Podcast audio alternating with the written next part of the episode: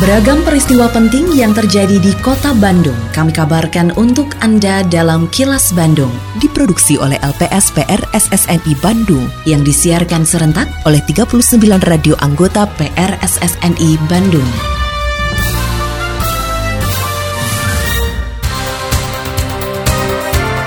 Sejumlah informasi aktual kami hadirkan untuk Anda dan inilah informasi utamanya diusulkan sebagai PJ Wali Kota Bandung, Emma Sumarna dan Dedi Sopandi mengaku siap. Perusahaan Jepang akan kelola legok nangka. Perumda Pasar segera perbaiki pasar Sadang Serang. Saya Yudi Dirgantara inilah kilas Bandung selengkapnya. Asisten Daerah Pemerintah dan Kesra Provinsi Jawa Barat, Dedi Supandi, mengaku berterima kasih karena menjadi satu dari tiga nama yang diusulkan sebagai pejabat atau PJ Wali Kota Bandung. Dedi mengatakan siapa pun yang akan mengemban tugas sebagai PJ Wali Kota Bandung harus mampu mengembalikan dan mengharumkan nama Kota Bandung. Pasalnya, citra Kota Bandung dalam beberapa waktu terakhir dalam kondisi tidak baik. Menurutnya, Kota Bandung perlu terus menjaga dan mengembangkan Kota Bandung sebagai kota kreatif. Dedi mengaku siap menjalankan tugas sebagai PJ Wali Kota Bandung jika nantinya ditunjuk oleh Kemendagri bagi saya mah adalah eh, siapa pun nanti yang ditunjuk menjadi PJ Wali Kota Bandung adalah orang-orang yang benar-benar paham tentang apa yang dibutuhkan oleh kota kembang itu sendiri. Yang namanya aparatur sipil negara jika sudah ditugaskan ya tidak ada koma harus siap gitu kan. Yang jelas upaya untuk menjaga dan mengembangkan kota Bandung sebagai kota kreatif baik dari aspek segi sumber daya manusia juga adalah orang-orangnya sangat kreatif, jangan sampai terputus. Hal senada juga diungkapkan oleh Sekretaris Daerah yang saat ini menjadi pelaksana harian Wali Kota Bandung, Emma Sumarna. Emma mengucapkan terima kasih kepada anggota Dewan yang menyertakan sebagai salah satu dari tiga nama yang diusulkan sebagai pejabat atau PJ Wali Kota Bandung. Emma mengaku sebagai aparatur sipil negara atau ASN, ia harus selalu siap ditempatkan di mana pun. Menurut Emma, Kota Bandung memasuki masa transisi kepemimpinan karena tanggal 20 September 2023 mendatang, masa jabatan Wali Kota Bandung berakhir dan agar tidak terjadi kekosongan kepemimpinan, maka harus ada pejabat atau PJ Wali Kota. Tidak ada kata lain pilihan saya kecuali mengucapkan hatur nuhun. Kalau Dewan memberikan apresiasi, mendorong ruang kesempatan bahwa saya untuk diberikan kesempatan menjadi PJ. Hanya sebatas itu saya. Ya, toh saya sekarang sedang konsentrasi melaksanakan tugas sekda dan juga tugas sebagai PLH. Ya, nah, kalau ini nanti ada kepercayaan dari dari pemerintah pusat, ya kita kan sebagai prajurit ya menyatakan siap saja. Tapi yang yang yang sekarang ini saya ingin apresiasi adalah mengucapkan hatur nuhun ya kepada pihak dewan yang sudah memberikan kepercayaan e, di antara tiga itu ya saya masuk di di tiga yang diusulkan ya nuhun saja. Suara DPRD Kota Bandung.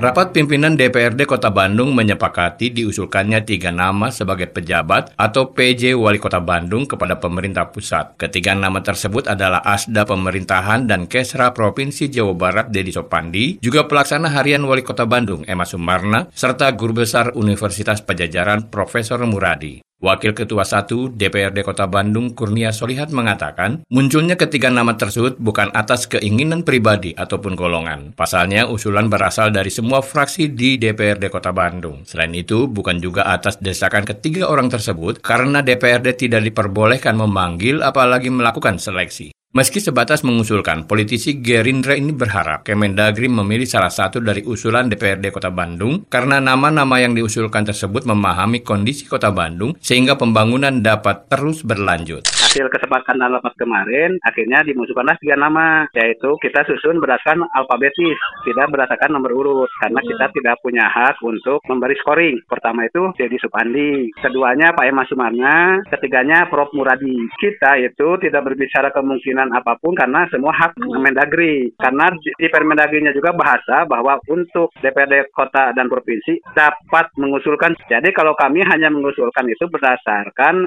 aturan saja bahwa yang boleh boleh diusulkan dengan eselon 2A. Kota Bandung eselon 2A hanya satu-satunya, Sekda kan Pak Ema. Terus yang ada yang pernah di Kota Bandung sekarang di provinsi ya kita lihat Pak Deddy Supandi. Dan kalau Prof Muradi kan pernah menjadi Imjak Balai Kota. Intinya kita mengusulkan orang-orang yang paham Kota Bandung. Masalah nanti disetujui dipilih oleh Mendagri atau tidak, ya itu hanya kita hanya mengusulkan. Tapi harapan kita di antara itulah yang menjadi pilihan mereka sehingga tidak akan terhenti masalah pembangunan Kota Bandung ke depan karena mereka paham akan Kota Bandung. Itu aja harapan kami.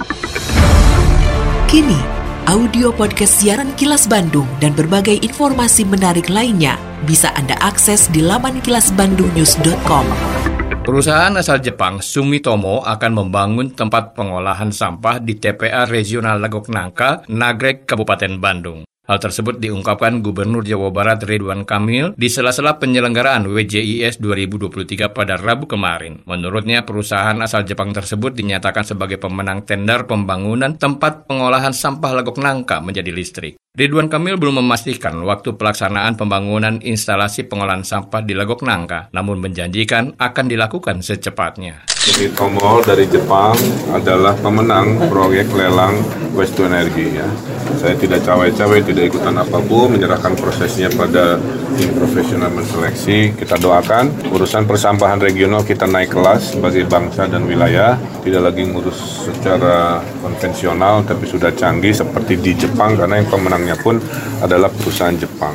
Dan kalau ini berhasil, insya Allah akan membawa contoh ke tempat-tempat. Belum sampai groundbreaking masih. Pokoknya di zaman saya mah pengumuman gitu. Ya secepatnya lah saya belum tahu. Nanti PJ yang melanjutkan.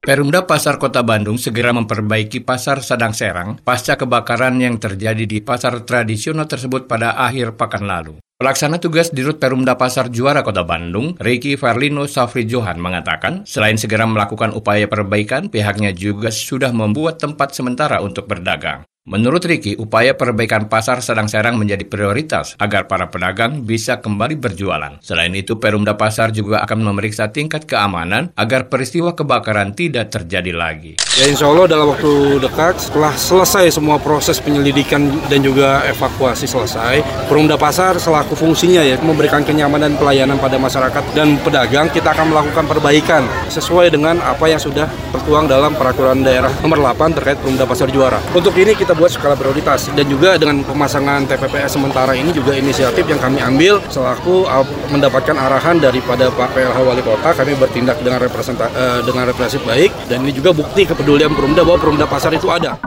Polisi berhasil menangkap dua begal yang sempat menghebohkan media sosial lantaran melarikan diri setelah mendapatkan perlawanan dari calon korbannya. Kedua pelaku begal tersebut ternyata ayah dan anaknya. Kapolresta Bandung, Komisaris Besar Polisi Kusworo Wibowo mengatakan, satu tersangka sempat melakukan perlawanan saat hendak diringkus sehingga harus mendapatkan tembakan di bagian kaki. Sebelum melancarkan aksinya, kedua tersangka menegak minuman keras terlebih dahulu. Kedua tersangka merupakan pelaku begal terhadap korban bernama Muhammad Fadin Auzini yang nekat melawan saat sepeda motornya hendak dirampas di Jalan Komplek Taman Cibaduyut Indah, Kecamatan Dayakolot, Kabupaten Bandung. Peristiwa pembegalan terekam kamera pengawas dan viral di media sosial. Dan pada saat itu penangkapan, tersangka melawan sehingga dilakukan tindakan tegas terukur, kami lakukan tembak di tempat kepada begal tersebut. Pada awalnya 29 Juli 1630 viral adanya kejadian begal siang-siang.